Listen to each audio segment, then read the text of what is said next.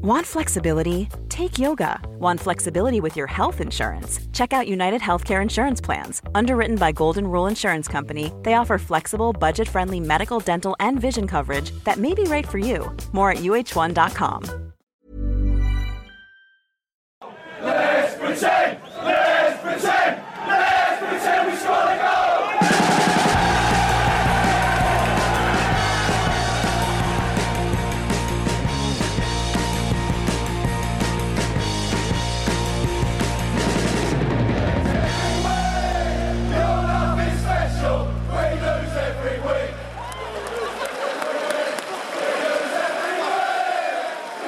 Sportbladets Premier League-podd som eh, kanske också blir lite Sportbladets Champions League-podd en sån här tisdag. Det är att det är mycket som ska knytas ihop och inte mycket som går Chelseas väg just nu. Eh, Frida finns med oss från London, Makoto sitter med mig i studion här.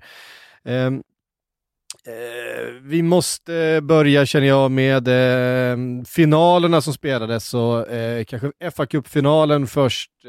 Leicester tar sin första FA-cup Cup-titel på, hur många år är det? Någonsin. Ja, det är någonsin va? Ja, Mm. det är helt sjukt. Fantastiska scener efteråt och såklart Kasper Schmeichel stor hjälte och eh, VAR-domaren stor hjälte.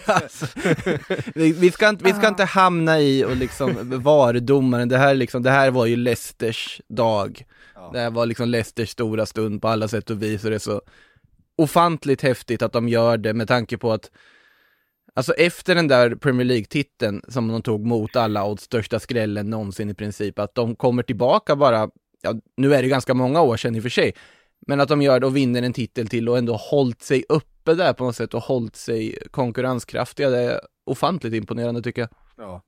Nej men det är ju, nu har vi varit väldigt kritiska mot ägare de senaste eh, veckorna här och pratat mycket om hur fotbollen på något sätt ska kunna eh, tas tillbaka från de här utländska miljardärerna tillbaka till eh, supportrarna och till sina communityn. Men eh, en av de verkligen bidragande orsakerna till att Leicester har varit så framgångsrika de här senaste 6-7 åren och att man har lyckats liksom komma tillbaka också när luften har gått ur, när eh, främsta spelarna försvinner och så vidare. Det har ju väldigt mycket med att ägarna, eh, alltså Leicesters ägare, har byggt en kultur där alla drar åt samma håll. Det betyder oerhört mycket och det är bara att titta på de här bilderna efter matchen. Eh, hur mycket, vilken relation de har till varandra. Eh, och den här helikopterkraschen som skedde utanför arenan, alltså den, det finns saker som förenar dem liksom på, på riktigt. Alltså det finns riktiga känslomässiga band från ägare hela vägen ner till liksom avbytarna på bänken. Och som såklart eh, förmedlas ut, nu var det ju inte, eh, det var ju supportrar där eh, till just den här matchen. Eh, och att alla, jag menar, kan du tänka dig Joel Glazer gå ner och lyfta eh, bucklan? Alltså du vet, supporten hade ju halshuggt honom om han skulle ner dit och ta någon slags plats och ära för det laget har gjort. Här är det helt naturligt. Alltså, eh, eh, eh fascinerande tycker jag. Ja, när det brände ju lite bakom ögonlocken när Topp, som han heter, ägaren, när han gick omkring och kramade spelarna. Det är ju väldigt tydligt att det här betyder väldigt mycket för dem, antagligen mer än vad de kanske hade tänkt sig från början eftersom att de trots allt är med och slåss om en, en Champions League-plats. Men har man inte varit i en final på 52 år så det är klart att det känns skönt att, att vara det igen. Sen var det ju inte som att den här matchen, det var inte som att man spelade sådär jättebra. Vi vet ju att Chelsea hade väldigt många lägen, eller i alla fall farliga lägen. Kanske inte det att man kom till, till speciellt många avslut, men räddningen som Schmeichel gör på Mason Mounts avslut exempelvis är ju väldigt, väldigt bra. Och här var det ju Schmeichel och det var Jori Tillemans som stack ut. Och på tal om det där med att Leicester har lyckats bygga om efter, eller, eller att de lyckades bygga om efter eh, ligatiteln. Jag tycker ju på ett sätt att det här laget är bättre än vad den var då. Och Jori Tillemans var ju en sån där värvning som kom in där Leicester faktiskt tog en liten risk. Alltså han var ingen obskyr spelare som Vardy eller Mares eller Kanté var när, när de plockades in utan Tillemans kostade ju ändå 40 miljoner pund, vilket var rekordmycket för just Leicester. Men han har ju bevisligen Alltså han har ju lyft på ett sätt som man kanske inte riktigt trodde var möjligt. För jag vet om när han kom in där i januari att det var rätt många som var kritiska och tänkte att det här kommer att bli en, en floppspelare. Han var väl lite, eh, körde slut på sig ganska tidigt i matcherna just i början. Därför är det så fantastiskt att se att han är ju den spelaren som har absolut spe flest spelminuter i Premier League sedan han signade. Alltså han har varit så oumbärlig. Den som har näst flest spelminuter är Kasper Schmeichel. Så på det sättet var det lite roligt att det var de två som spelade en avgörande roll här. Tycker även att när Johnny Evans går ut efter en halvtimme är det väl, så satt man ju också och tänkte att nu kommer det bli tufft. För jag har ju sett hur förvirrat Leicesters försvar har sett ut när han inte har funnits på planen. Men tycker verkligen att Fofana och Sojunso att de kliver ihop där och Fofana särskilt stack ju ut med en väldigt fin insats. Så att ja, det blir ju en sån där match där ett helt sanslöst, sanslöst distansskott som verkligen inte går in alla gånger som en spelare försöker sig på någonting sånt blir avgörande. Eh, och dessutom då den där lilla, lilla, lilla offside-avblåsningen på, på Chilwell. Men jag tror, hade jag varit Chelsea-supporter så hade jag ju hellre förlorat mot ett lag som Leicester eh, kontra, ja, låt säga Arsenal eller eller Manchester United eller vad som helst. Det är ju trots allt en, en klubb som sköts på ett väldigt bra sätt, väldigt hälsosamt sätt. Och därför var det väl extra kul också att se dem fira tillsammans. Mm. Jag håller ju helt med dig om Thielemans, där också pratas allt för lite om honom. Alltså alla som spelade football manager runt 2015-16 är ju väl medvetna om vem Juri Thielemans var innan han kom till Leicester. Men han har ju ungefär sett ut som man kan förvänta sig att han gör när man värvar in honom på FM. Alltså han gör sina matcher, han är väldigt bra liksom rakt igenom och sen pratas det allt för lite om honom. Att han får göra det här målet på det här sättet, på det spektakulära sättet han gör är ju också otroligt talande och otroligt kul för det är en, det är en av Leicesters absolut viktigaste spelare och det säger man oavsett om man har prickat det här skottet eller inte. Han kallas ju hjärnan på planen av eh, Brendan Rodgers. Och eh, jag tror, eller jag tycker väl att det förklarar honom som spelare ganska så väl. Det är också så här, alltså de har haft en otrolig timing i mycket de har gjort. Jag menar Juri Tilmans, när han var liksom 18-19 var han superhypad och skulle bli liksom nästa stora belgiska jättestjärna. Hamnade då i ett Monaco som precis hade liksom sålt av sina bästa spelare, ett Monaco som var eh, väl liksom vilse efter sina framgångar med eh, ehm, Ja, de värvade ju allt möjligt Ja, de där, de hade ju värva- något, något för sig. Ja, och de skulle ha alla unga spelare och, och det, det funkade ju inte alls i Monaco för, för Thielemans. Eh, och det var inte konstigt för det funkade inte alls för Monaco. Det var väl, var det då Thierry Henry var där och Det var väl senare? var det senare? Ah, jag, jag, jag har inte riktigt koll på tidslinjen. Inte det Falcao. Jardin var ju där. När fick han sparken, höll jag på att säga. När försvann han? Det är tur att vi sitter i PL-podden här. Eh, Ja, precis. Hur som helst, det, det var en spelare vars marknadsvärde verkligen hade sjunkit i Monaco, man inte riktigt visste vart det skulle ta vägen. Kom väl in på lån först. Eh, satt på bänken mycket i, i, i Monaco. Men det är samma sak, dels det, och även om det är en högprofilspelare och man tar, tar en risk så har man ändå liksom en otrolig timing på den värvningen.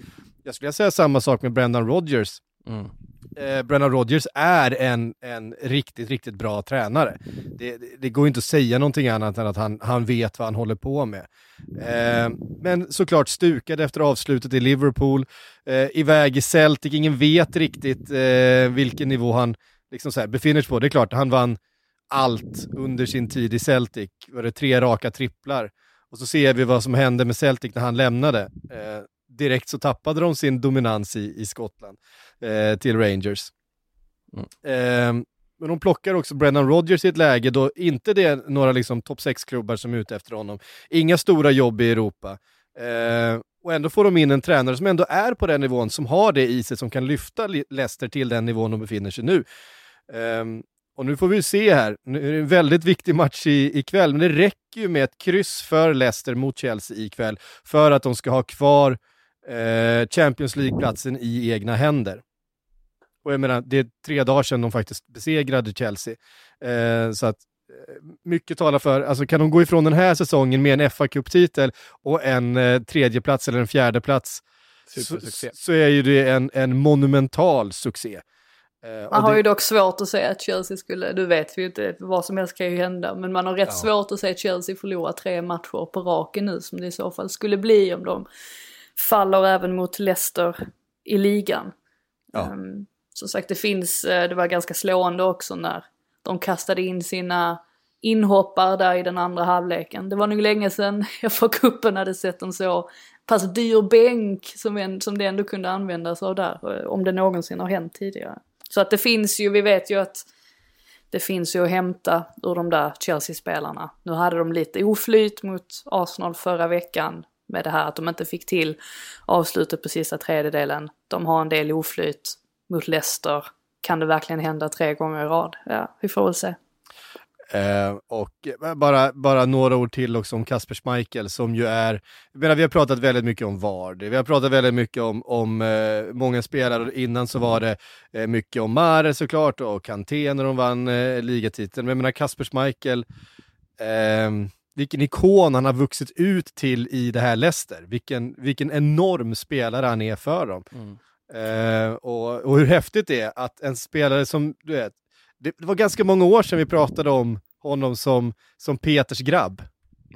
Jag var faktiskt inne och tittade på Peter Schmeichels eh, Twitter här nu, för jag minns ju när de vann ligan så hade han den här otroligt vackra Twitter-bion att eh, father to a Premier League winner. Tyvärr inte father to an FA Cup winner just nu, utan nu var det massa så här reklam istället där. Lite besvikelse, men eh, ja, han har ju verkligen blivit sin egen spelare verkligen och klivit ur skuggan där och också blivit just en Leicester-ikon, precis som du säger. Det, Ja, men en, av de, en av de allra största Leicester- Leicester-ikonerna eh, som finns idag. Eh, måste, Ja, i klubbens historia sett till att de har sin Verkligen. absolut största prime just nu och att han har varit med under hela den här resan. Så att självfallet. Och brinner Så så, att- otroligt för klubben.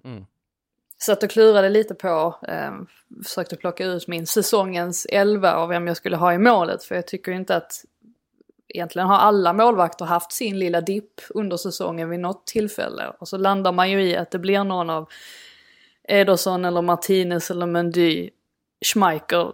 Och fastnar faktiskt vid Schmeichel. För jag tänker att ska man få in någon Leicester-spelare i det laget, om man då inte får plats med en sån som Thielemans, så är ju Schmeichel det, det givna valet. Man kommer väldigt långt om man har en, en bra målvakt. Det är väl därför också som man ser Danmark som ett hot i EM. Att har man bara en bra målvakt, då... Eh, ja, det, är, det är mycket som faller på plats då.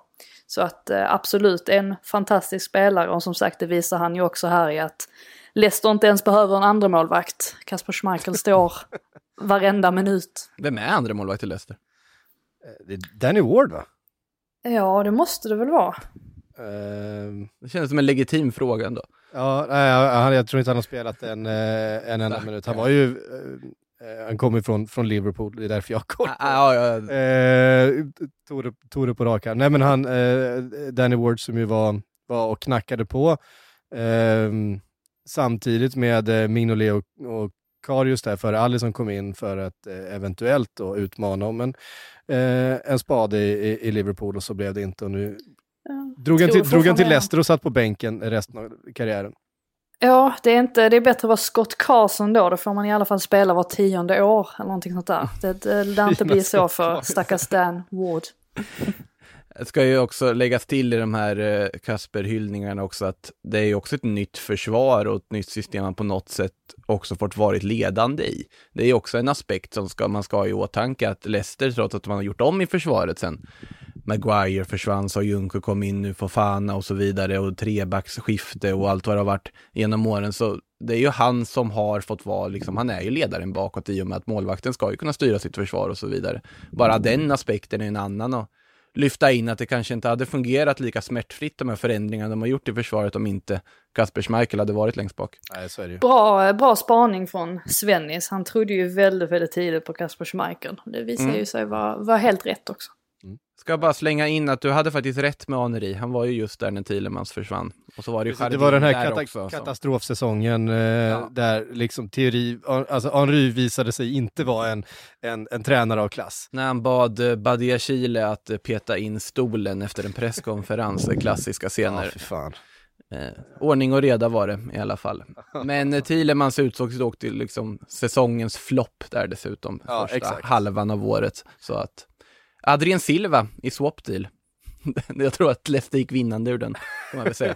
Ja, det känns så. Um... ja, det är oerhört imponerande. Och eh, Chelsea då, vi måste prata lite om dem. Jag har ju hyllat Chelsea otroligt mycket de senaste veckorna här. Ja men såklart efter alla framgångar och tagit sig till Champions League-final och det sättet som, eh, som Tuchel har eh, liksom fått ordning på det här skeppet. Nu, eh, nu ska man bara liksom baxa, baxa över linjen här också. Första hindret klarar man inte av, eh, FA-cupen. Nu är det några viktiga ligapoäng som ska in här för att eh, fjärdeplatsen eh, åtminstone och Champions League-spel till nästa säsong ska, eh, ska säkras då om det är så att man inte lyckas eh, rå på Manchester City i Champions League-finalen. Eh, nu spelas ju den matchen ikväll, eh, jag antar att det är många som lyssnar här under, under eftermiddagen idag på tisdagen. Frida, vad, eh, vad, vad tänker du om Chelseas eh, säsongsavslutning här? Det är mycket på spel och eh, det kan ju faktiskt sluta med ingenting det här. Ja, märkligt nog så är ju ribban satt, satt så himla högt att det är väl klart att det skulle bli en väldigt stor besvikelse om de förlorar två finaler, eh, kanske till och med missar en Champions League-plats. Så det gäller ju för dem att verkligen ta sig samman nu här. Alltså Tuchel tog ju på sig mycket av den, eh, eh, tog på sig mycket av skulden efter förlusten mot Arsenal och menade på att han hade gjort, gjort så pass många förändringar att det kanske då störde deras speluppbyggnad. Ehm, efter eh, finalen här mot Leicester så han, pratade han ju mer om hur, hur nära det var att de fick in den där kvitteringen. Men nära skjuter ingen hare heller. Det är ju, det är ju trots allt så. Så att eh, nu gäller det ju verkligen att de tar revansch snabbt här mot Leicester, vilket jag inte tror är särskilt omöjligt. Som sagt, Leicester, det var inte det att de var fullständigt dominanta mot Chelsea under lördagen, utan de hade ju marginalerna på sin sida också. Så att det är väl klart att Chelsea ska kunna komma på banan igen ganska snabbt. Nyckeln är väl, ja alltså, dels då att försöka hålla tätt. Det är svårt att försvara sig mot ett avslut som det Tillemans drar iväg. Det är desto lättare att undvika den typen av misstag som man gör mot Arsenal när det nästintill blir självmål från Jorginho. Sånt måste man förstås undvika.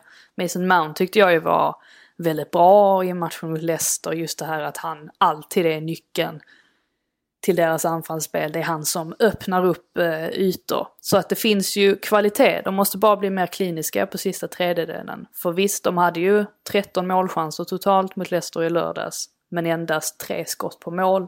Då blir det ju svårt att, att vinna matcher också. Så att mer kliniskt helt enkelt. Det är väl där man får börja. Det lär ju ha firats lite kupp i Leicester också de senaste dagarna. Så att de, de kanske Så inte är är helt på topp heller. Alltså på något sätt, nu såklart de kommer att gå för CL-platsen, men om de skulle tappa det på mållinjen, jag tror ändå att den här kupp, ja, men jag tror ändå den här kupptiteln väger så pass tungt att man ändå kan blicka tillbaka väldigt positivt på den här säsongen oavsett hur den här ligan slutar. Ja, jag satt och lyssnade på en Leicester-supporter faktiskt som fick frågan. Mm. Vad, vad skulle betyda mest, Champions League-spel nästa säsong eller att vinna FA-cupen? Och det var ju liksom ingen tvekan att FA-cupen var ehm, absolut mest åtråvärd för, för supportrarna och att man är ganska övertygade, man är väldigt trygga i det här projektet man har och i det laget man har, att man kommer kunna fortsätta eh, och utmana även nästa säsong. Ehm, Och inför publik, det måste vi väl säga, nu vi nämnde det lite kort, men ja. Ja, publik igen, bara en sån sak. ja, det är fantastiskt vilken, vilken skillnad det gör. Ja. Eh, att att få, få se jublet. Eh, otroligt. Eh, ingen publik i Göteborg däremot, eh, för Chelsea har ju spelat en, eh, en Champions League-final redan och den mot eh, Barcelona. Eh, Chelsea kanske var glada över att det inte var någon publik på plats just, just den här gången därför att det, det var spel mot ett mål känns det som. Eh, Barcelona avgjorde det här väldigt, väldigt eh, rappt och med eh, enorm ackuratess. Eh, Ja, så, Ja, verkligen. Alltså de har ju flyt på de två första målen får man säga att det, det går med Barcelona. Eh, dels då första målet som är ett självmål. Och även andra målet tycker jag som är en straff. Den är ju ganska så... Eh, ja, alltså jag hade svårt att beskriva Leopold som en syndabock just för att det kändes som lite så här freak accidents. Och sen så är de 2-0 upp och fortsätter att visa då att de spelarna som Barcelona har att tillgå är ju individuellt sett otroligt skickliga. Och särskilt ytterbackarna här i Chelsea var ju Jess Carter på vänsterkanten och eh, Neve Charles på högerkanten. De hade ju extrema svårigheter med eh, Graham Hansen och eh, Like Martens. Det var helt enkelt eh, för jobbigt för dem att försvara sig emot. Och hade dessutom Hermoso som är sådär skicklig på att droppa ner djupt och sen bara komma i fantastiska instick eh, inne i boxen som också ställde Magdalena Eriksson och Millie Bright helt så att totalt sett en välförtjänt seger för Barcelona även om de hade lite hjälp där i, inledningsvis på halvleken och fick en, en sorts drömöppning kontra då Chelsea som, ja, det utvecklades ju till rena mardrömmen till slut för deras del. Det ligger något där du säger om ytterbackarna också. Alltså Charles har ju funkat med sin speed och teknik där som högerback tidigare, men alltså när de möter det motstånd så märks det att det är en ytter i grunden. Alltså att det håller inte riktigt och sen när det Barcelona, det här projektet är ju också det är ju format från deras förnedring de fick i den senaste finalen de spelade 2019 mot Lyon. När man på nästan liknande vis blev fullkomligt överkörda. De har ju bara byggt vidare från det långsiktigt med envis blick på att faktiskt lyckas bättre. De visste precis, de har ju gått igenom det Chelsea går igenom nu. Och nu får de på något sätt vara på den segrande sidan istället. Otroligt imponerande resa Barcelona har gjort ska sägas också där och de, de är i toppen för att stanna, det är känslan man får också hur långsiktigt och ordning och reda har varit på det här projektet till skillnad från projektet på herrsidan ska väl sägas där också.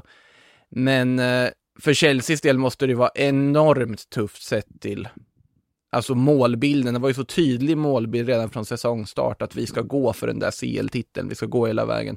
Nu är det intressanta, hur kommer de studsa tillbaka från en sån här finalmatch? Hur kommer de se ut nästa säsong? Kommer de bara fortsätta bli bättre och bättre på samma sätt som de har blivit under alla dessa år? Eller finns det en risk att, de, att det här var en för tuff smäll? Den, den reaktionen ska bli väldigt spännande att följa nästa säsong.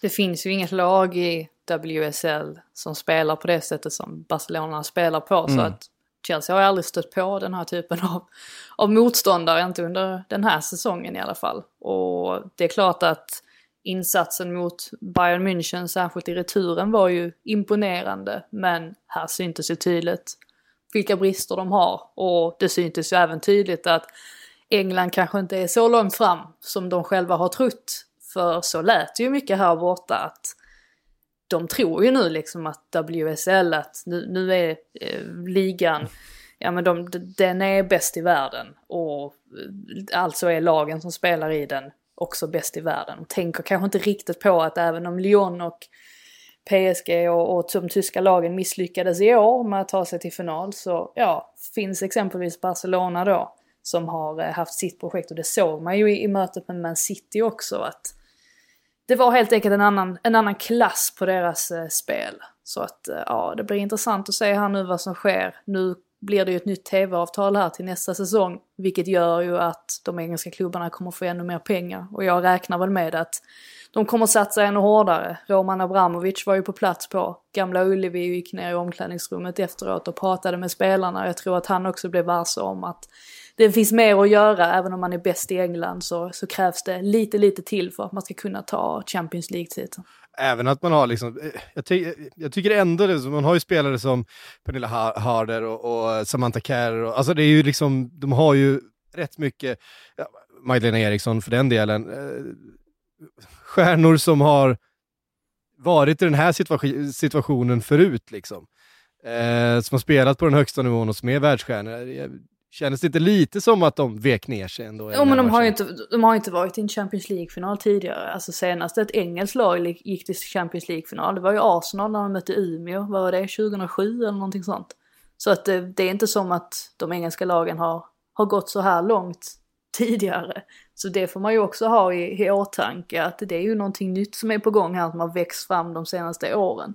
Och det finns ju fortfarande mycket utveckling att eh, hämta och det, det lär vi förmodligen se också för som sagt jag tror att ägarna har insett att det finns en marknad för damfotboll som är ganska så attraktiv om man vill locka till sig ännu mer sponsorer och så vidare. Så därför räknar jag också med att de kommer att satsa ännu mer pengar framöver.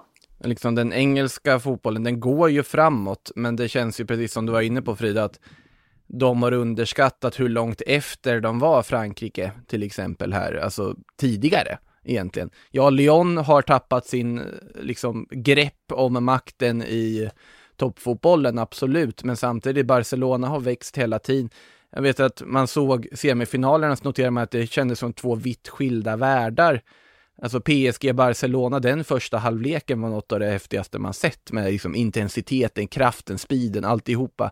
Nu var det ju lite annan fotboll fortfarande, väldigt högkvalitativ fotboll i Chelsea Bayern München. Men det är en annan stil och det ligger mycket i det att Chelsea har ju ändå mött Wolfsburg och Bayern på sin väg. Och ja, Benfica petar de ju till liksom på vägen, men där finns det ju en sån enorm kvalitetsskillnad, så det är ju en annan sak. Men de har inte mött den typen. Jag tror att om de hade mött PSG i en final så hade det också kunnat vara ett lag man hade haft jätteproblem med. Ja, och sen ska Chelsea spela en Champions League-final till. Eh, nästa Mycket att göra.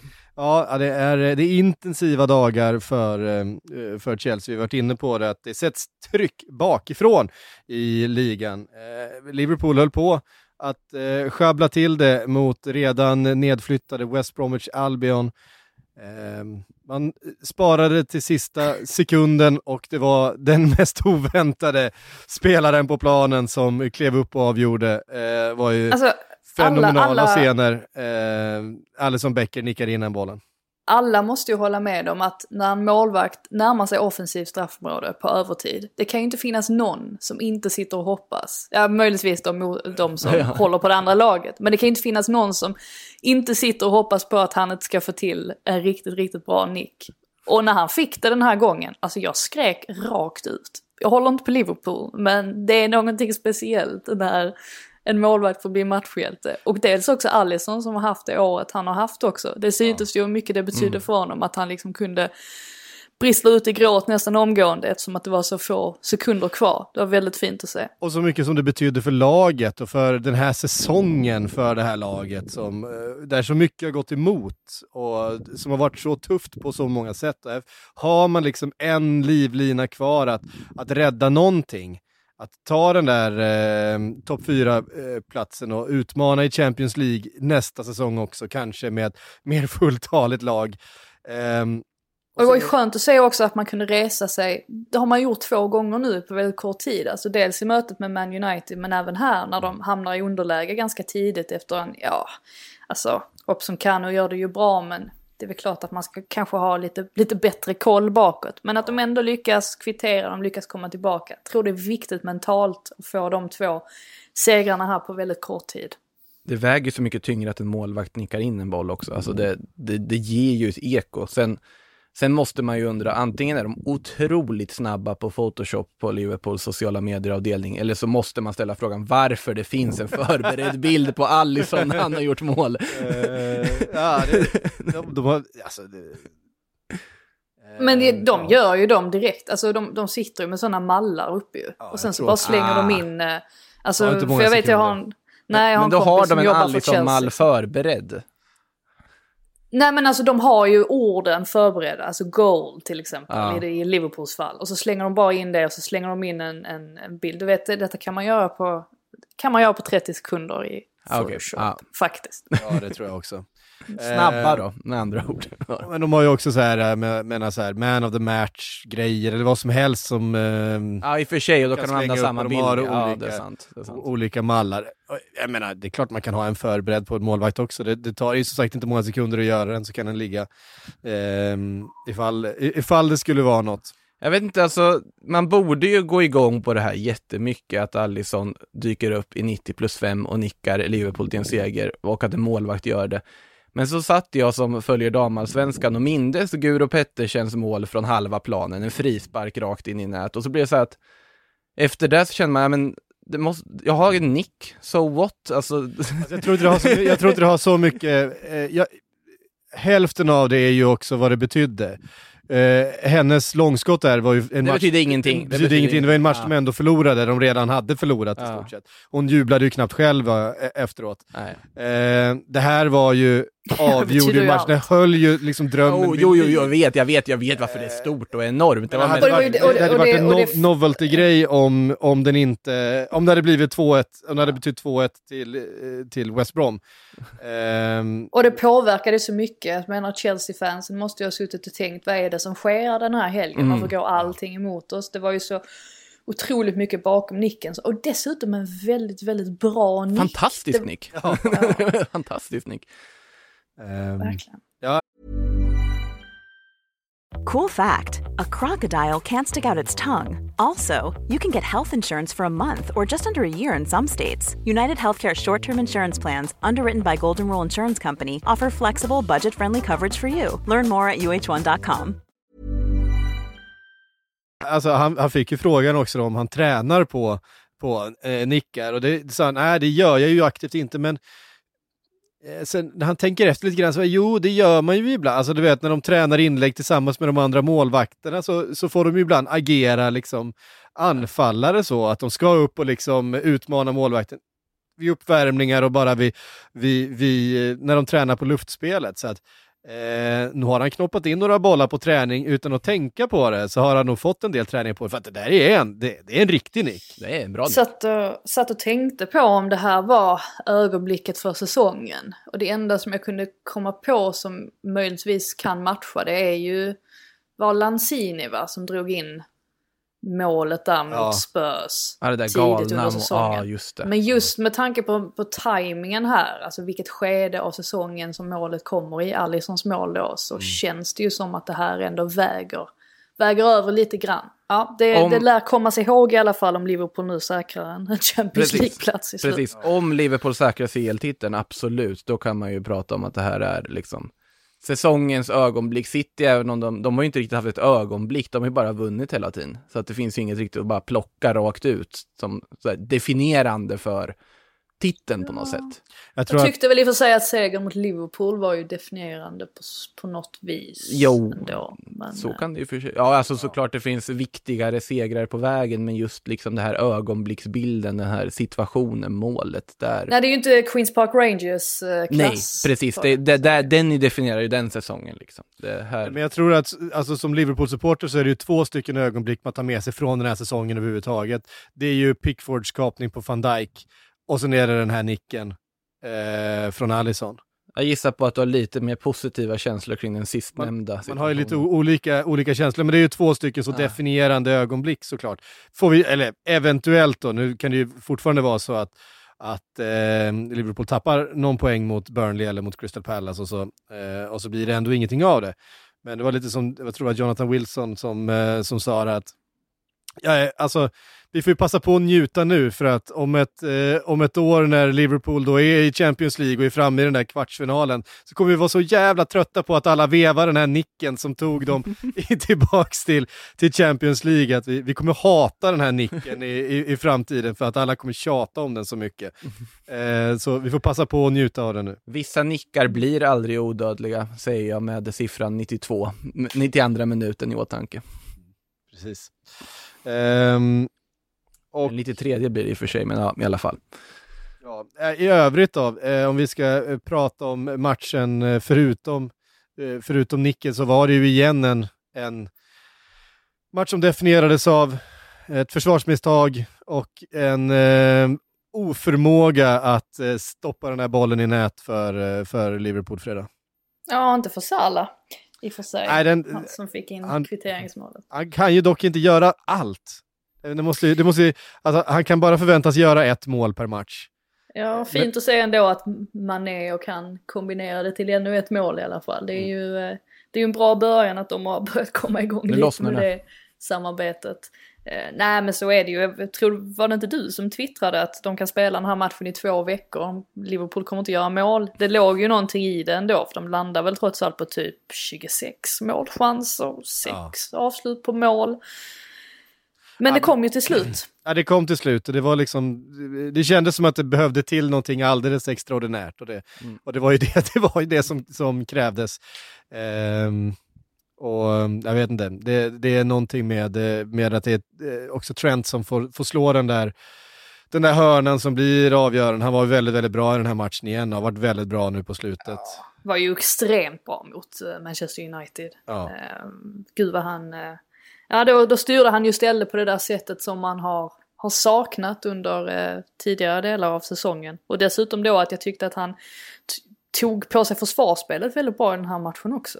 Eh, alltså mot West Brom just att han jobbade hemåt på ett sätt som man kanske inte riktigt har sett ändå tidigare. Eh, så det gör väl att om Gary Southgate såg de bitarna så kanske han ändå har en chans att komma med i den där EM-truppen även om uppgifter nu pekar på att det inte kommer att bli så.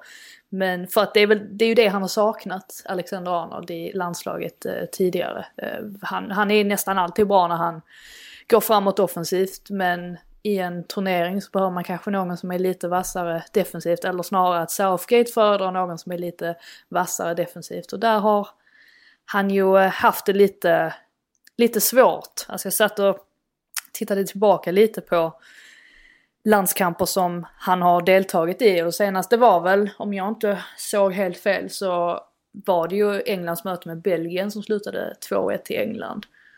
Och det var där eh, Kyle Walker faktiskt blev man of the match. Visserligen till höger i en trebackslinje men ändå. Och Alexander Arnold tilldelades ju alltså, relativt låga betyg av i princip alla. Och det var ju just för det här att han inte imponerade defensivt. Att han visserligen är framtiden, och vad han ser som framtiden av väldigt många, men att han har vissa brister. Och eftersom att Reece James har klivit fram och tagit chanserna han har fått i landslaget så blir det ju tufft det där med vem ska man peta eller ska man åka till ett mästerskap med fyra högerbackar? Ja, det, det är ju en avvägning. Hur mycket kommer han ens få spela då? Alltså, Blir det Reece James som ska stå åt sidan? Jag tycker inte att det är helt svart och vitt. Jag har ju sett det mycket på sociala medier och sådär att eh, folk rasar. Och jag kan förstå det för jag hade, jag hade tagit med Trent Alexander-Arnold om jag var förbundskapten. Men jag kan samtidigt förstå Southgate också det här med att han baserar väldigt mycket på tidigare insatser i tidigare landskamper. Och då har ju inte Alexander-Arnold varit bra. Nej. Så är det bara. Och det är ju också en, en eh, fråga om, om formation. Alltså, eh, Reece James är ju mer en traditionell hög, liksom offensiv högerback. Hans offensiva kvaliteter eh, handlar väldigt mycket om att eh, komma på överlapp, att kanske utmana eh, en mot en. Eh, Ska tilläggas också här nu, ska bara flinka i, flik, flika in att Reece James ju spelade till höger i trebackslinjen mot Leicester för att hålla koll på, eh, för att hålla jämna steg med Jamie Vardy. Det kanske också är en aspekt man väger in, man vet inte. För att vi vet om att England kommer skifta mellan en fyrbacks och en trebackslinje. De kommer inte ha ett system. och i en trebackslinje, då hade inte jag heller spelat eh, Trent Alexander-Arnold om jag ska vara riktigt ärlig, för att han är inte en wingback. Det, han är ju liksom en annan typ, alltså hans offensiva kvaliteter handlar ju, det, det är ju mer som en playmaker, alltså hans Hans offensiva spel sker ju lite läng djupare ner i planen. Alltså han, han styr ju med sitt långa spel och med sina tidiga inlägg och med sina fina bollar upp mot en mötande, förs- mötande eh, anfallare och sitt kombinationsspel med mittfältet. Han, han är Det ju beroende av att en mittfältare droppar ner gärna och täcker upp för honom. Som Jordan Henderson alltid är har ju. gjort. Och Fabinho kanske då i, nu för tiden. Eh, han har kanske inte riktigt det på samma sätt i, i landslaget och Alltså- det är det som är problem för honom. om man ska vara liksom sån, han är ju mer lik liksom Tony Kroos i sitt, i sitt fotbollsspelande än vad han är en, en, en ytter som eh, liksom bombar, alltså Det är, ju, det är ju just det som jag tycker gör att man ändå kan argumentera för att ta med fyra högerbackar. Att, ja, du har Walker, Trippier och eh, James. Som, som jag ska vara med i truppen. Och sen har du en 26-mannatrupp, absolut. Och det låter jättekonstigt med fyra högerbackar. Sen även om Trent inte är tänkt att starta matcher, att säga att Walker går sönder då, att ja, men då är det Reece James som går in eller Trippier som går in eller vad det, hur det nu blir. Men att han, Trent finns med som ett alternativ när du behöver förändra en matchbild på att du behöver ha in en annan typ, du behöver få in den väldigt fina passningsfoten han har och det här spelsinnet. Där kan jag se en nytta i att ta med honom. Sen håller jag helt med dig Frida att det, det är verkligen inte svart på vitt om man ska med eller inte sett i truppläget. Nej, jag tycker det blir lite så här överdrivet när man ska dundra mot det. För att jag som sagt, jag förstår ju de som tycker att det är helt... Alltså när man bara ser själva grejen att Trent Alexander-Arnold eh, anses inte vara tillräckligt bra för att vara med i en EM-trupp. Det är väl klart att det ser helt sjukt ut med tanke på vilken högsta höjd han har. Men om man ser till alltså balansen på själva truppen, om man ska få till den. Då har man kanske större förståelse för varför Southgate är lite i valet och kvalet här, huruvida mm. han ska ta ut honom eller inte. För att ska han spela med en trebackslinje dessutom så måste han ju tänka på att han har tillräckligt många trebacks, eller eh, mittbackar att ta med. Det finns vissa mittbackar som bara kan spela i en trebackslinje som Connor Cody exempelvis. Som kanske inte är en mittback man vill ha om det bara är ett um, Som verkligen inte är mittback. nej, nej han, han, han, han, är inte riktigt, han har inte riktigt uh, speeden för det om man säger riktigt. så. um, så han, hela ligans långsammaste spelare tror jag. Ja, han är inte, det är inte hans uh, starka sida. Nej men så det är ju lite, lite svårt ändå. Samtidigt har de så många spelare. Nu är det ju tur egentligen, får man ju säga för många förbundskaptener, att de får lov att plocka ut 26 spelare. För det förändrar ju väldigt mycket. Då kan man ju chansa mm. lite också, ta med någon extra spelare.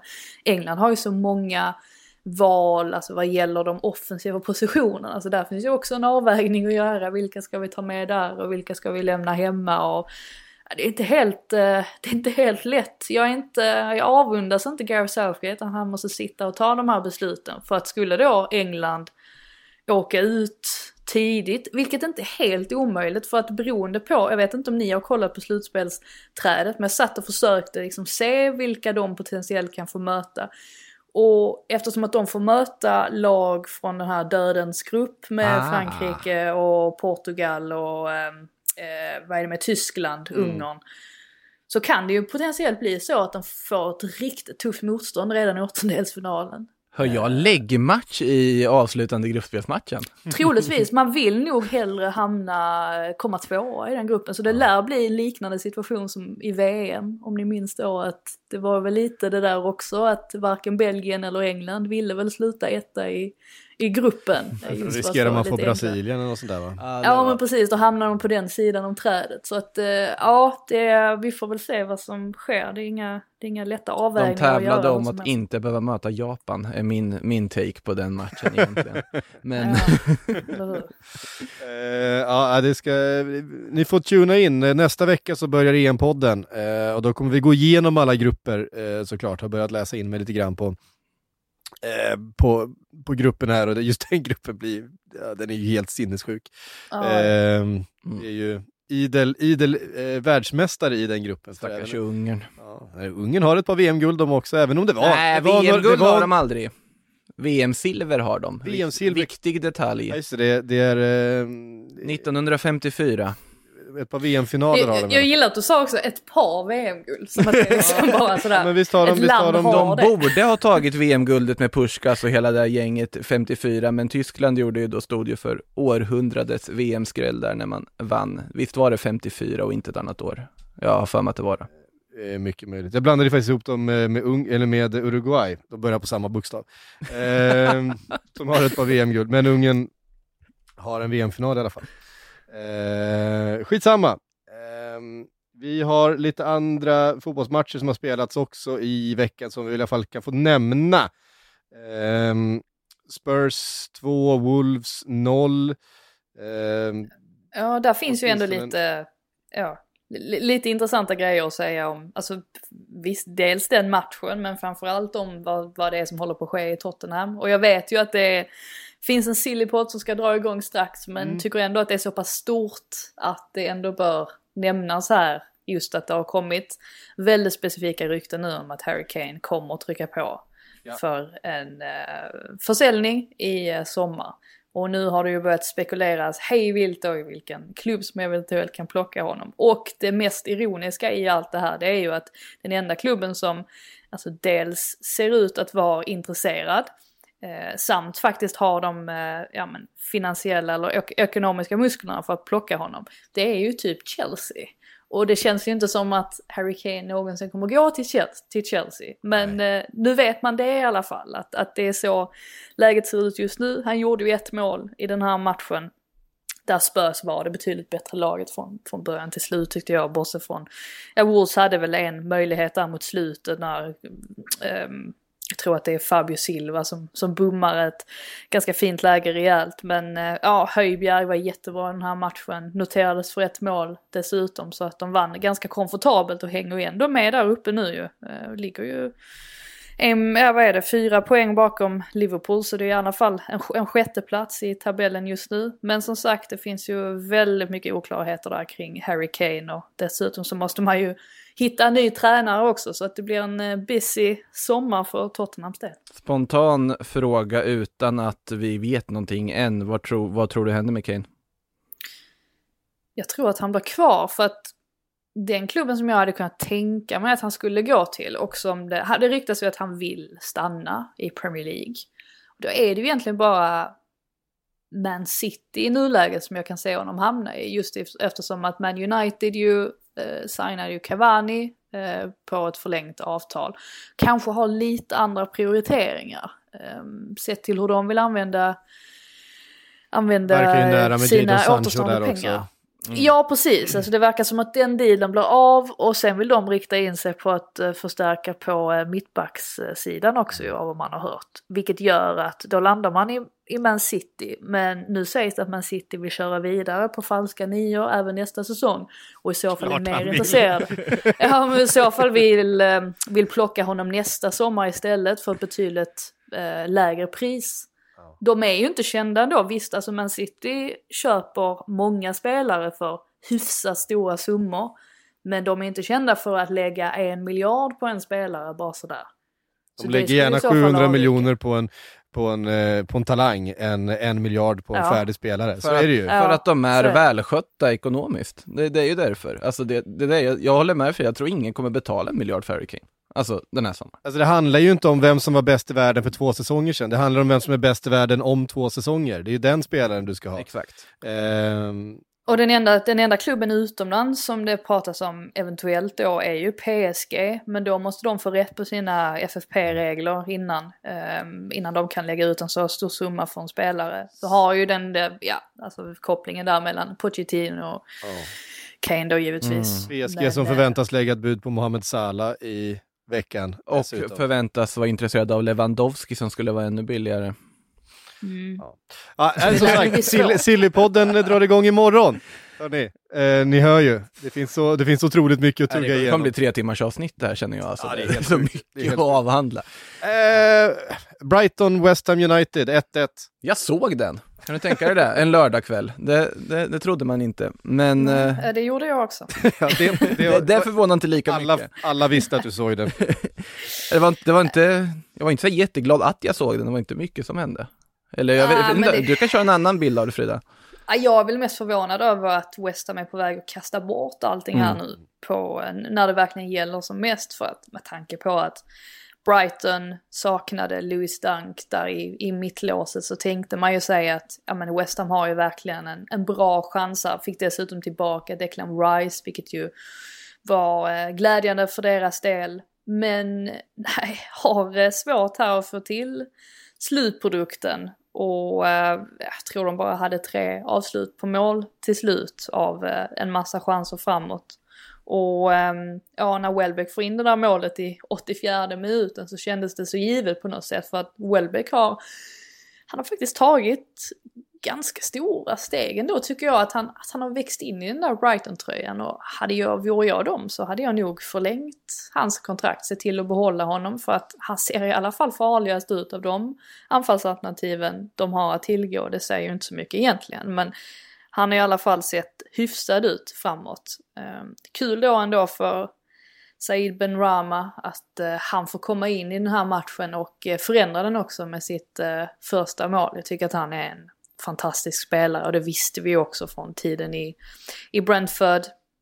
Men ehm, ja, och har ju gjort ett par alltså, ganska stora avtryck nu, särskilt den senaste tiden. Alltså ett par matcher där han verkligen har stuckit ut med sina insatser. Så han räddar ju en poäng här, men som sagt, det var lite, bort, lite bortkastat eh, från West Hams sida. Särskilt också med tanke på att man förlorade mot eh, Everton förra omgången. Det var alltså hans första mål, jag visste inte om det. Det är ju lite Jag tror det. Ja, det, det, men jag tittar på det här, det stämmer. Det första målet i West Ham, det är ju Jag insåg anmärk... att, insåg att jag bara gick på, gick på känsla när jag sa det, att jag faktiskt inte visste om det var så. Men, Nej men jag, det är ja. det, det var helt rätt och det är ju, han har spelat hur många matcher som helst innan eller inhopp och så vidare. Det var ett otroligt vackert mål. Det, det går ju inte att placera den bollen bättre än vad han gör i det här läget. Nej, Eh, väldigt fint. Nej, och det är ju ja, men det är lite, lite tråkigt ju. Alltså West Ham håller på att kasta bort hela Europaspelet till nästa säsong faktiskt, som ju Mm. såklart Mm. är eh, vore, vore en enorm, enorm eh, framgång för dem att bara ta sig till Europa League. De, De- har ju de har tur ju- att Everton går på den här, alltså, alltså vad gör de? vad, vad, vad gör Everton? De får ju, alltså precis som att, eh, att eh, Chelsea och Leicester har släppt in Liverpool i Champions League-racet så har ju faktiskt West Ham eh, bjudit in Everton eh, i, eh, i detsamma för Europa League, men eh, torsk hemma mot, mot Sheffield United. Ja, alltså för, först, först och främst måste man säga makalös debut för Daniel Jebison, 17-åringen som har haft en otrolig utveckling på bara alltså, något halvår tydligen som han har eh, verkligen tagit kliv under. Och stackaren han kunde ju knappt sova natten mellan lördag och söndag för att han visste att han skulle, skulle få starta den här matchen. Eh, så dyker han upp där på Jack Robinsons inspel och drar in segermålet och jag tror nog att många Everton-supportrar satt och tänkte där och då att trots att det bara var sjunde minuten att Everton kommer inte vända det här. För det har varit känslan under stora delen av säsongen att de har väldigt, väldigt svårt att komma tillbaka när de hamnar i, i underläge. Och den här förlusten reflekterar egentligen allting som är fel med det här laget och, och har varit fel under större delen av säsongen. De har väldigt svårt att föra matcher. Såg någon statistik på att de har en enda seger på Goodison Park där de har dominerat bollinnehavet och det måste ha varit mot West Brom ganska tidigt på säsongen. Den matchen som slutade 5-2 eller någonting sånt. Och de har dessutom förlorat nio matcher på hemmaplan, vilket är, det är tangerat sämst någonsin. Och Ancelotti erkände ju efter segern mot West Ham där de bara hade runt sådär 30% av bollen att de inte är ett possession-baserat lag. Och de saknar dessutom tillräckligt med karaktär för att kunna vända ett sånt resultat. Och värst av allt är ju att han inte riktigt kan svara på vad de måste förändra för att få bukt på det. Och hans svar verkar vara att värva in nya spelare, så vi får väl se vad som händer i sommar. Men eh, ja, som Everton-fan så måste det vara väldigt frustrerande att se det här, särskilt formen man har visat på, på hemmaplan och då oförmågan att eh, ta tag i matcher. Det är ju väldigt talande för den, den bilden, den svaghet jag ser hos just Ancelotti som tränare, att han är ju som bäst när saker fungerar som ett självspelande piano. Mm. Han är ingen taktiker, han är inte personen som går in och förändrar matchbilder och gör tidiga byten, liksom bara ändrar om och kastar om till en treback som de behöver och den typen av saker. Utan han samlar ihop ett gäng duktiga fotbollsspelare, ger dem en boll och säger kör, gör, kör ert race. Och så mår ni jättebra på sidan av och ni kommer att eh, trivas av att vara i den här klubben för att jag tränar den och allt, ni kommer få allt ni vill ha. Men några så här hårda taktiska direktiv, det har ju aldrig varit Carlettos grej. I alla fall inte liksom den Carletto jag har lärt känna genom åren. Eh, Så att det är ganska talande att de har svårt att förändra matchbilder och förändra inpräntade mönster på att de, de har inte en tränare som jobbar på just det sättet, utan det, mönstret måste finnas från början. Och jag är lite förvånad också ändå av att, för jag kan väl förstå vad han menar till viss del det här med att han har spelare som kanske inte är sådär jätteduktiga på att hålla i bollen. Men det finns ju också spelare i en startelva som är extremt duktiga på det. Det är inte så att det består av liksom 11 spelare med träben utan det är ju James Rodriguez och Allan och och, eh, och så vidare. Alltså det är inga dåliga spelare, Dinj lika så. Alltså en av ligans, hela ligans bästa, bästa vänsterbackar.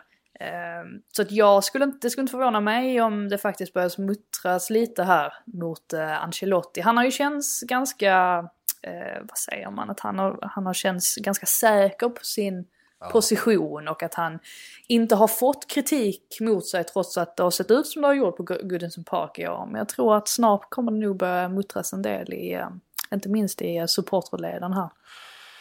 Ja, alltså med tanke på hur eh, Ancelotti hyllades i höstas och att det kändes som sånt, ett sånt kap verkligen att Everton hade lyckats plocka in honom så är det ju anmärkningsvärt att de tonerna faktiskt börjar komma nu, att det börjar knorras och eh, faktiskt ropas på, på en ersättare, på en, på en ny tränare till nästa säsong. Eh, för det har sett bedrövligt ut på, på Goodison Park. Eh, jag tror att det bara är fem segrar på hela säsongen. Ehm. Eh, Chames vår, höst kontra Chames vår är också Ja, det är, det är också anmärkningsvärt faktiskt. Ehm, så att, eh, ja, det är... eh, det finns en del, en del frågetecken att räta ut i, i Everton, eh, inte minst. Och nu kommer ju Arsenal också med, med, med lite fart underifrån efter segern mot Chelsea förra veckan. Ehm, Det blir och- säkert poängtapp mot, vilka är det, Fulham ikväll va?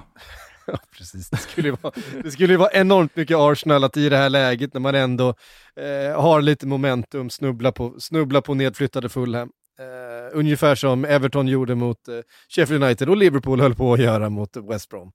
Eh, det är liksom, det är så det brukar bli. Eller Fulham, nu blandar jag ihop allt. Ja, de jag möter, tänkte så. De möter jag- Crystal Palace var borta. helt tyst. Det är, United som möter Fulham, glöm allt Jag jag sa. får bara liksom, den, den matchen har, de matcherna har redan spelats.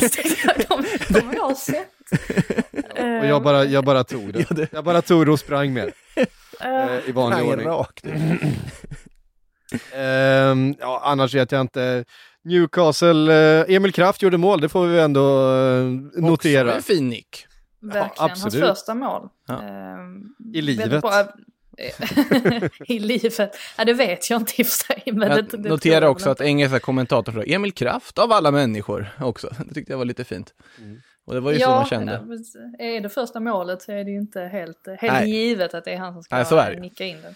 Nej. Eh, Jag tyckte att det här faktiskt var en ganska så, eh, ganska så kul match att, att se. Och inte minst det som att Scott Carson stod i, stod i mål. Jag såg ju någon, eh, någon rolig eh, stats på att eh, han är ju sju månader yngre än Cristiano Ronaldo. Men emellan Carsons två senaste Premier League-matcher så har Ronaldo gjort 325 ligamål. Det satte det lite i perspektiv hur långt det har gått sen Scott Carson senast fick chansen. Så det var ju kul för honom att han fick komma in här. Inte så kul att han fick släppa in hela tre mål, men han var ju väldigt nära att rädda, rädda Willocks straff i alla fall. Han drog ju in den på returen där. Eh, och Steve Bruce som ju blev utnämnd till månadens tränare förra månaden. Eh, inte, inte helt eh, oförtjänt eh, med tanke på hur Newcastle har sett ut den, eh, den senaste tiden. Och, eh, men här hade de ju ändå svårt att stå emot i slutändan, inte minst eftersom att Torres gör alltså hattrick, bara en sån Ja. grej. Och tre riktigt Alltså första mål målet. också. Det första är en klack med, med kraft som, jag på tal om Emil Kraft då, som, som ger liksom en perfekt bollbana. Det är fruktansvärt snyggt. Ja, det var, ehm, det var någonting extra och jag tror nog att Pep Guardiola blir nog hoppfull när han ser honom ehm, komma igång på det här sättet. För jag tycker ändå att Ferran Torres har sett bra ut, alltså just när han har hamnat i de där, eh, alltså i den där nummer nio-rollen. Otroligt spännande spelare alltså, Ferran Torres. Ja. Han har ju mycket. Som Valencia i princip gav bort, det är en annan sak, men eh, sett i priset. Valencia doing Valencia things. Exakt. Eh, ska- Ja, har ju, har ju blandat lite och gett under säsongen men det är okej att göra det när man spelar för Manchester City och det finns så många andra alternativ så att det ska bli kul att se vad han kan göra Det har varit en jättebra första säsong för honom skulle jag säga. Alltså med att han får, får ändå en hel del speltid, kommer mer och mer rätt in i det. Det här har ju varit, eh, alltså lite över förväntan måste jag säga, sett till att det ändå är en talang och liksom framtidsämne, att han ändå fått, fått så mycket förtroende som han fått och gjort det han har gjort. Måste ju fundera, nu är det ju jättekul att Scott Carson får spela den här matchen såklart för honom och en jättefin gest av Pep Guardiola. Man undrar ju vad Zach Steffen sitter och funderar. Som knappt har sett eh, dagsljus liksom under säsongen. Jo, men han, visst, han, Han har ju ändå spelat en del. han, så ändå, han dök upp i någon Champions League-match. Ja, men han har dykt upp i lite kupper och sånt, absolut, men det är liksom... Ja, men han har spelat en del nu på sistone faktiskt. De har ju vilat Ederson i ganska konstiga, konstiga lägen också. Eh, har man, faktiskt har man ju suttit och tänkt. Eh, så att eh, Mm. han Okej har ändå fått spela en hel del. Eh, och som sagt, jag tror att Scott Carson är så pass populär också att eh, här Ja. unnar man nog honom eh, den matchen. Som sagt, han trodde ju inte själv att det skulle hända någonsin igen, att han skulle få en, en Premier League-match. Så att det var kul för honom. Jag sitter här Carson, kväll. Champions League-vinnare med Liverpool Mm. 2005. Det är ju vackert. Alltså det är bara att jag sitter här och letar polemik i sann kvällstidningsanda. Jag ska låta bli och bara avnjuta att Scott Carson har fått 90, 90 Premier Det League-minuter. men det är också att Scott Carson ser ut att vara 48 för han har blivit så gråhårig som gör att det är liksom eh, det känns nästan som välgörenhet när han... Det är ju välgörenhet. Det är ju välgörenhet. Alltså, vad är han? han är 35 och han har ändå spelat, han, han är ändå en ganska meriterad, rutinerad Och fotbollsmålvakt. återigen, han är på lån. det tycker jag är det vackraste av alltihopa. Eh, ja, men det är fint. Eh, hörde ni, vi har bara fått in en massa silly-frågor. Eh, det är liksom 100 procent. Vi har fått in en som jag tyckte var lite rolig från Johan Lindström. Är det Allisons fina nickmål som gör att Champions League-platsen lever för Liverpool? Eller är det Nat Phillips avsaknad av timing i offensivt straffområde? För att eh, Nat Phillips går ju på den här bollen, men missar den med en halv meter. Ja men, ja, men vad, vad, är det för, vad är det för syn på livet? Alltså så här, jag kände det också, nu, nu kommer jag återkoppla till det där Guro Pettersen målet igen, men folk som sa, ja men vad gör målvakten då? Ja men varför ser ni glaset som halvtomt istället? Alltså försök se någonting Jo, med men, positivt. men det, har, det har också gått ganska långt om Liverpool måste förlita sig på att Allison går upp på övertid och nickar in ett mål för att deras Jo, Champions League-plats ska finnas kvar. Nej, det, men då det- har jag det tycker- gått tyckte- ganska långt. Men det är Liverpools problem nästa dag, det är inte problemet där och då. Nej, precis. Nej, men jag tycker det också var lite roligt att, att eh, Nat Phillips är, är många grejer, men han är inte speciellt tajmad i offensivt straffområde. Det, det är han gjorde väl en assist mot United va? Ja, eh, det, Det var det fint. var ganska fint. Där visar han kyla. Han är, ju, han, han är ju en kultspelare efter den här säsongen, Nat Phillips. Han är ju oerhört begränsad, men, men, men han är stor och han är stark och i, i luftspelet defensivt så är han ju faktiskt, han är omutbar. Det verkar göra fruktansvärt ont att spela mot, eh, mot Nat Phillips. Eh, men som sagt, det, det, in, det finns en och annan kvalitet eh, där som, som saknas kanske. Ehm, och som sagt, eh, det här kanske vi skulle kunna reda ut i och för sig. Edvin Nilsson skriver, eh, vad händer med Champions League-platserna om Chelsea slutar topp 4 och eller vinner Champions League? Ja, det beror lite på vad som händer där. Om Chelsea missar topp 4 men vinner Champions League, då kommer alltså eller, eh, Premier League ha fem ehm, Mm.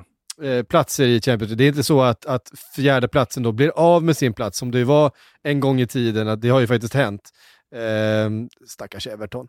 Ehm, eh, att man faktiskt blev av med sin, eh, med sin eh, Champions League-plats som man kom fyra då om en utanför topp fyra vinner Champions League och fick den platsen istället. Då blir det helt enkelt fem. Så att, Ja. Men det är så ehm, mycket som ska till för att det ska ske så att det känns inte riktigt... Ja, Ja, det, det, innebär ju att, att, ehm, att Chelsea vinner mot, Mm. vin, vinner mot Manchester City och helt enkelt tappar poäng mot Leicester. Så Arsenals Europa Conference League-hopp ligger på Chelseas i CL. Nej, nu, nu är jag för elak mot Arsenal, förlåt. Det, man, nu, Ja. det ser faktiskt lite Sett positivare ut på till, eh, sett till Boxing Day har Arsenal plockat lika många poäng som Chelsea så att Fan. helt okej vår ändå. Ja, nej, men eh, Intressant statistik. de har eh, faktiskt gått lite under radarn den här eh, våren, Arsenal, för att det blir oerhört mycket fokus varje gång de förlorar en match. För det blir, Exakt. det blir, så, det blir så mycket skrivet. Men vinner de en match så är det inte, men de slår faktiskt eh, Chelsea förra, Det gör de. för, Det gör förra de. veckan. Och de har vunnit ganska mycket fotbollsmatcher och, och klättrat i den här tabellen från ett visserligen bedrövligt utgångsläge som man hade där vid. Mm. Ehm, men ehm, eh, så är det.